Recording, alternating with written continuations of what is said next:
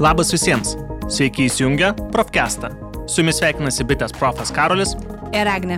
Šiame ir kitose mūsų epizoduose kalbėsime apie technologijų naujienas, tendencijas ir patarimus, kaip paprasčiau prisijaukinti išmanesias technologijas. O šiandien išsameu papasakosime apie telefonų funkciją, kurią visi puikiai pažįstame ir ją naudojame kasdien. Žinoma, kad mes kalbame apie fotografavimą telefonu. Šiandien aptarsime, kaip stipriai patobulėjo fotografavimas ir kaip moderniųjų technologijų atneštas inovacijas gali padėti mums fotografuoti geriau. Bet prieš pradedant, dar noriu paminėti, kad mes, bitės profai, visada esame pasiruošę atsakyti į visus jūsų rūpimus klausimus apie išmanesias technologijas. Mūsų rasite didžiausiuose miestuose bitės salonuose arba internetu. Agne, ar prisimeni, kai fotografavome skaitmeniniais fotoaparatais pravardžiuojamais muilinėmis. Taip, aš prisimenu ir iš pradžių mes muilinėmis vadinamės tokius aparatus, į kuriuos dėjome juosteles ir jas reikėjo e, ryškinti.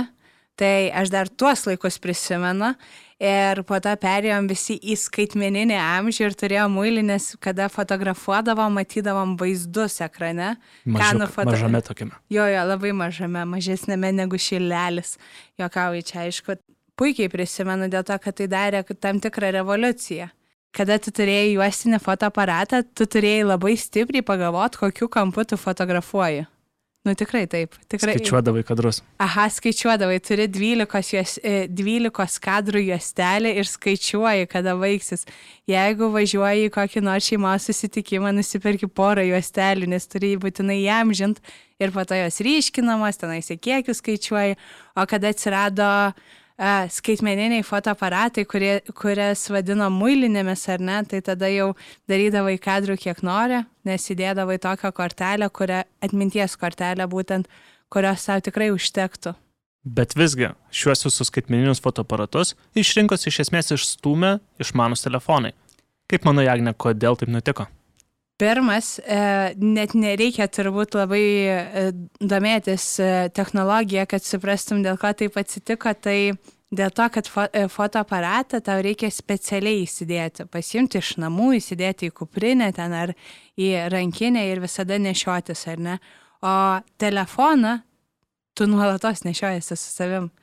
Ta prasme, mes turim tokią priklausomybę telefonui, kad nufotografuoti kadrą yra taip lengva, kad tiesiog pasiemi iš kišenės savo telefoną ir, ir užfiksuoji tą kadrą, kurį tu nori užfiksuoti. Nereikia trauktis ten iš kokios nors tašės, išsivinioti tą fotoaparatą ir daryti kadrus. Geriausias fotoaparatas tas, kuris visada po ranka. Ar taip? Taip, tai telefonas. O tavo ne? E, be abejo, taip. Mes pradėjome čia šiek tiek pasakoti nuo toliau, nuo istorijos, norėdami sugriauti vieną mitą, kuris vis dar gyvas ir šiomis dienomis. Vis dar girdžiu sakant, kad kuo daugiau megapikselių turi kamera, tuo geriau fotoaparatas fotografuoja. Tačiau tai nėra iš tikrųjų tiesa. Megapikselių kiekis tik tai apibrėžia nuotraukos dydį, bet ne jos kokybę. Agne, kokie manai yra svarbiausi parametrai, renkantis išmanų telefoną fotografavimui arba filmavimui?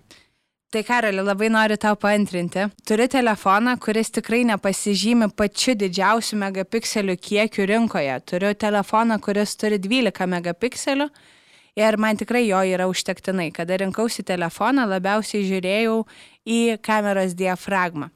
E, diafragma, e, ką jinai duoda, tai labai paprastas atsakymas. Jeigu yra prastas apšvietimas arba netgi tamsu, e, gausim šviesesnę nuotrauką, jeigu diafragma bus kuo mažesnė savo skaitinė išraiška. Ką tai reiškia? Pavyzdžiui, jeigu diafragmos skaičiukai yra 1.5, blogam prastame apšvietime mes gausime e, nuotrauką, kurioje gali matytis tiek, tarkim, pastatai, gyvūnai, e, kiti objektai. Jeigu kameros diafragma yra šiek tiek prastesnė, e, tai tarkim 2.2 arba 2.4, tai tikėtina, kad pati nuotrauka bus tamsesnė ir nesimatys taip aiškiai kažkokie objektai. Tai pirmas dalykas, e, pagal ką aš renkuosi telefoną, jeigu man svarbiausia kamera, tai yra diafragma. Labai gerą technologiją turi Samsung įrenginiai. Samsung Note 9, Note 10 serijos telefonai, S9, S10 serijos telefonai, kurie turi kintančią diafragmą. Tai reiškia, kad jie pagal apšvietimą, prisitaiko ir diafragmą. Galima plika akimi matyti, kaip a, telefono objektyvas ar ne, kameros objektyvas kinta ir kaip akies raineliai įsiplečia arba susitraukia. Tai yra labai fainai, jeigu nori pamatyti, kaip veikia technologija, tai Samsungas tuo išsiskiria. Antras dalykas, į ką atsižvelgiu rinkdamasi telefoną, kameros parametruose, tai yra vaizdo stabilizavimas. Kuo jis ypatingas, tai jeigu reikėtų klausytojams paaiškinti, nupiešti tą vaizdinį, tai įsivaizduokim, kad važiuojam automobiliu ar ne, duobėtas kelias ir, tarkim, matai labai gražų vaizdą už automobilio lango. Tarkim, gyvūnų pasaulis ar net ten kokie elniukai laksto šone.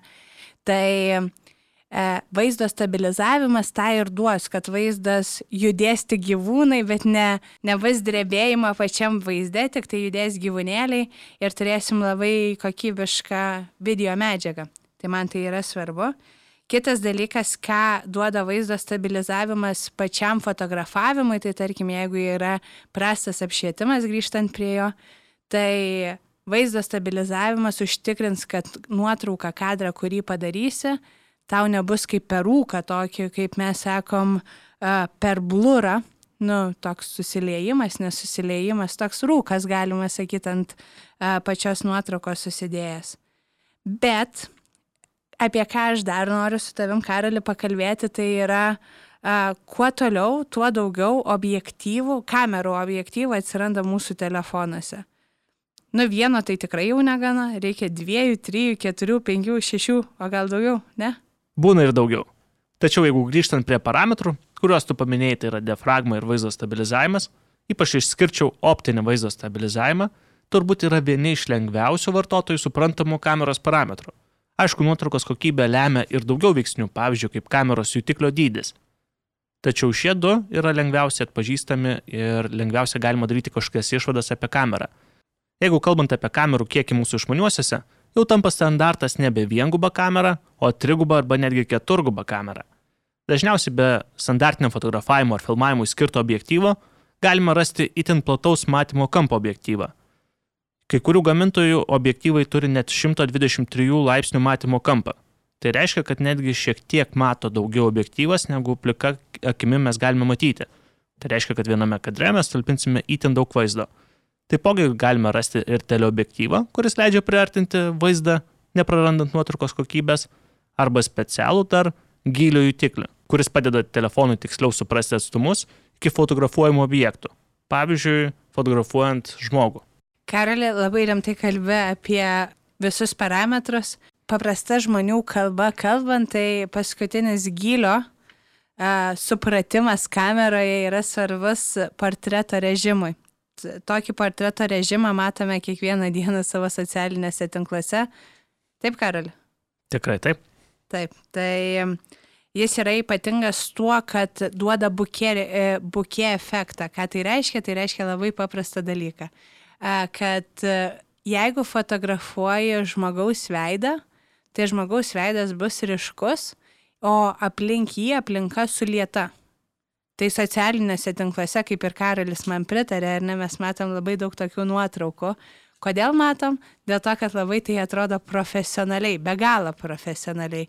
Žmonės darosi vienu uh, piršto paspaudimu nuotraukas, kokias darytų profesionalus fotografai to yra tikrai neįtikėtina, nes inovacija pas kiekvieną mūsų kišenėje yra ir užtenka paspausti portreto režimas ir tu jau profesionalus fotografas.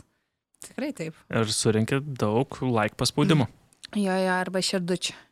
Irgi yra tikėtina. Tai šita funkcija yra labai e, jau paplitus Lietuvoje. Tikrai ją daug kas naudojasi, kiti, jeigu nežino, pavadinimo, kaip jinai vadinasi išmanėjame telefone, tai tikrai yra matę savo aplinko žmonių nuotraukų tokių. Kitas dalykas, kas yra labai paplitę, na bent jau man taip atrodo, tai yra dirbtinis intelektas. Aš klystu? Taip, iš tikrųjų dirbtinis intelektas yra paplitęs netgi daugiau, negu mes manome. Ne visi gamintojai tiesiog uh, patikė tai, informuoja, kad na, jų kameroje yra naudojamas dirbtinis intelektas tačiau beveik visi naujausi telefonai mažiau ar daugiau jį išnaudoja. Pavyzdžiui, jeigu kalbėtume apie tuos pačius portretus, tai fotografuojantis portretus, dirbtinis intelektas atpažįsta, kur yra veidas ir, tarkime, gali švelniai palyginti veido odą, kad ne, neliktų jokių nereikalingų spogelių, tarkime, arba paryškintų lūpas ar padidintų netgi akis. Ir visą tai galima nusistatyti nustatymuose kameros, dar prieš fotografuojant ir išmanusis kas kartą pritaikys pasirinktus nustatymus. Kita dalis, kur dirbtinį intelektą turbūt visi pastebime veikianti, tai yra, kai fotografuojame standartiškai, tai yra scenos atpažinimo funkcija. Tai jeigu fotografuojame, tarkime, dangų, išmanusis atpažįsta, kad tai yra dangus ir dangų paryškina, o tarkime, miesto foną palieka, na, natūralių spalvų ir jų nepakeičia. Fotografuojant, tarkime, žolę, gamtą, žolę padaro šiek tiek ryškesnę. Fotografuojant maistą, paryškina visas spalvas tam, kad atrodytų kuo skaniau ir kuo labiau tiktų Instagram socialiniam tinklui. Jeigu kalbėtume, kur dar dirbtinis intelektas stipriai prisideda, tai būtų naktinis fotografavimo režimas. Fotografuojant įprastai tamsiu paros metu, reikėdavo specialaus stavelio įstatyti telefoną ir jisai fotografuodavo su išlaikymu. Tam, kad, na, stavelis būdavo reikalingas tam, kad telefonas nesujudėtų ir nuotrauka taptų ryški. Dabar yra specialus režimas, kaip minėjau, naktinio fotografavimo, kurį fotografuojant jau dirbtinis intelektas stabilizuoja vaizdą. Tai reiškia, tu gali fotografuoti iš rankos ir nieko tokio, jeigu šiek tiek sudrebėsi. Dirbtinis intelektas sugeba atpažinti tuos kadrus ir sujungti į vieną ir padaryti ryškę nuotrauką. Tai dirbtinis intelektas yra vienas iš tų būdų, kaip gauti gražesnės nuotraukas, nepri, neįdėjus daug pastangų. Tikrai galima taip sakyti. Gerai, aš manau, supratau. kad tam jis ir buvo sukurtas. Taip, tai liuks. Tai kitas dalykas, e, dirbtinis intelektas, e, objekt, kameros objektyvų skaičius, e, tikrai čia nėra jau viskas, ką daro gamintojai, dėl ko nuotraukos atrodo tobulesnės, fainesnės, nerealesnės. E, dar vienas dalykas, kaip tobulėja, tai su daug jau telefonų galima padaryti du kartus priartintą kadrą, nepažeidžiant pačios kokybės nuotraukos. Tai yra tikrai labai smagus dalykas, jeigu tu nori kažkokią detalę užfiksuoti, tarkim, rudenį krentančiose lapuose.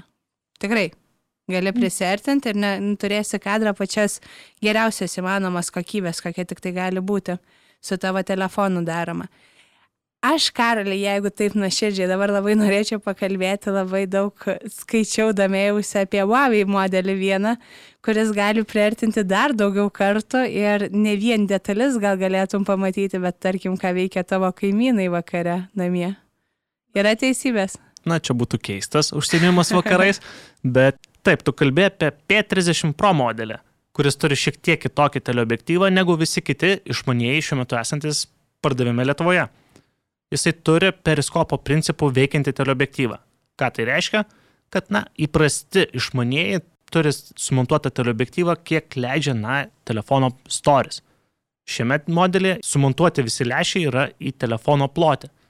Ir periskopu, tai yra, na, specialiu principu, kuris laužia šviesą kampu, leidžia išmaniajam optiškai priartinti vaizdą iki 5 kartų, hybridiniu būdu iki 10, o skaitmeniniu būdu galima priartinti net iki 50 kartų.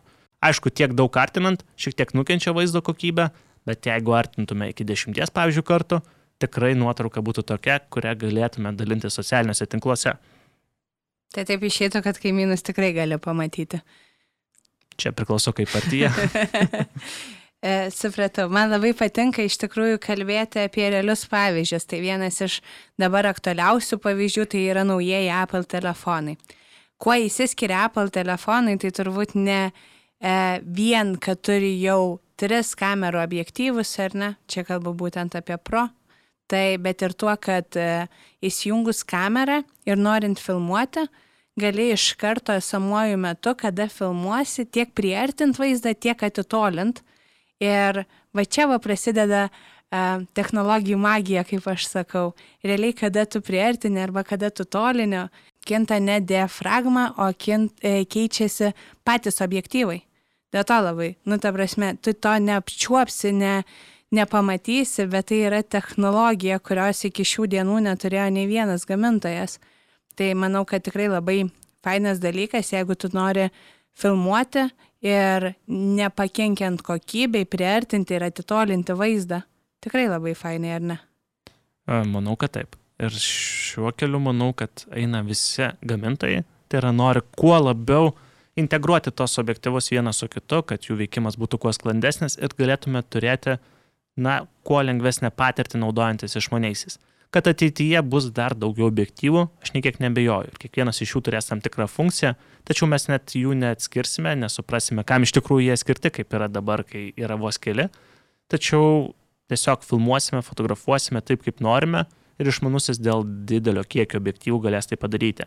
Aišku, žiūrint į ateitį, gerės ne tik tai kameros galimybės dėl objektyvų kiekio, kiek jų ten yra sumontuojama, bet ir didės patys kamerų sensoriai, kas leis dar tiksliau fiksuoti vaizdus įvairaus apšvietimo sąlygomis. Ir manau, kad tik tai laiko klausimas, kada išmaniai telefonai galės prilygti ir veidrodiniams fotoaparatams. Tai Karali, man turbūt beliko vienas dalykas. Tai e, jeigu patiko šitas pokalbis, jeigu norisi daugiau sužinoti apie e, objektyvus, kameras, išmaniuosius visus įrenginius, e, tai kviečiam užsukti į bitės puslapį, ten rasim tikrai daug informacijos, netgi rasim pagalbas, kaip padaryti kuo geresnį kadrą. Ir jeigu norit gyvos konsultacijos, tai būtinai užeikite į didžiuosiuose miestuose esančius bitės salonus, ten rasite profą, kuris gyvai parodys, kaip padaryti gerą kadrą. Tikrai taip. Ačiū tau, Agne, už pokalbį. Ačiū, Karoli. O klausytojams sakom iki kitų kartų. Ačiū, kad klausėte iki.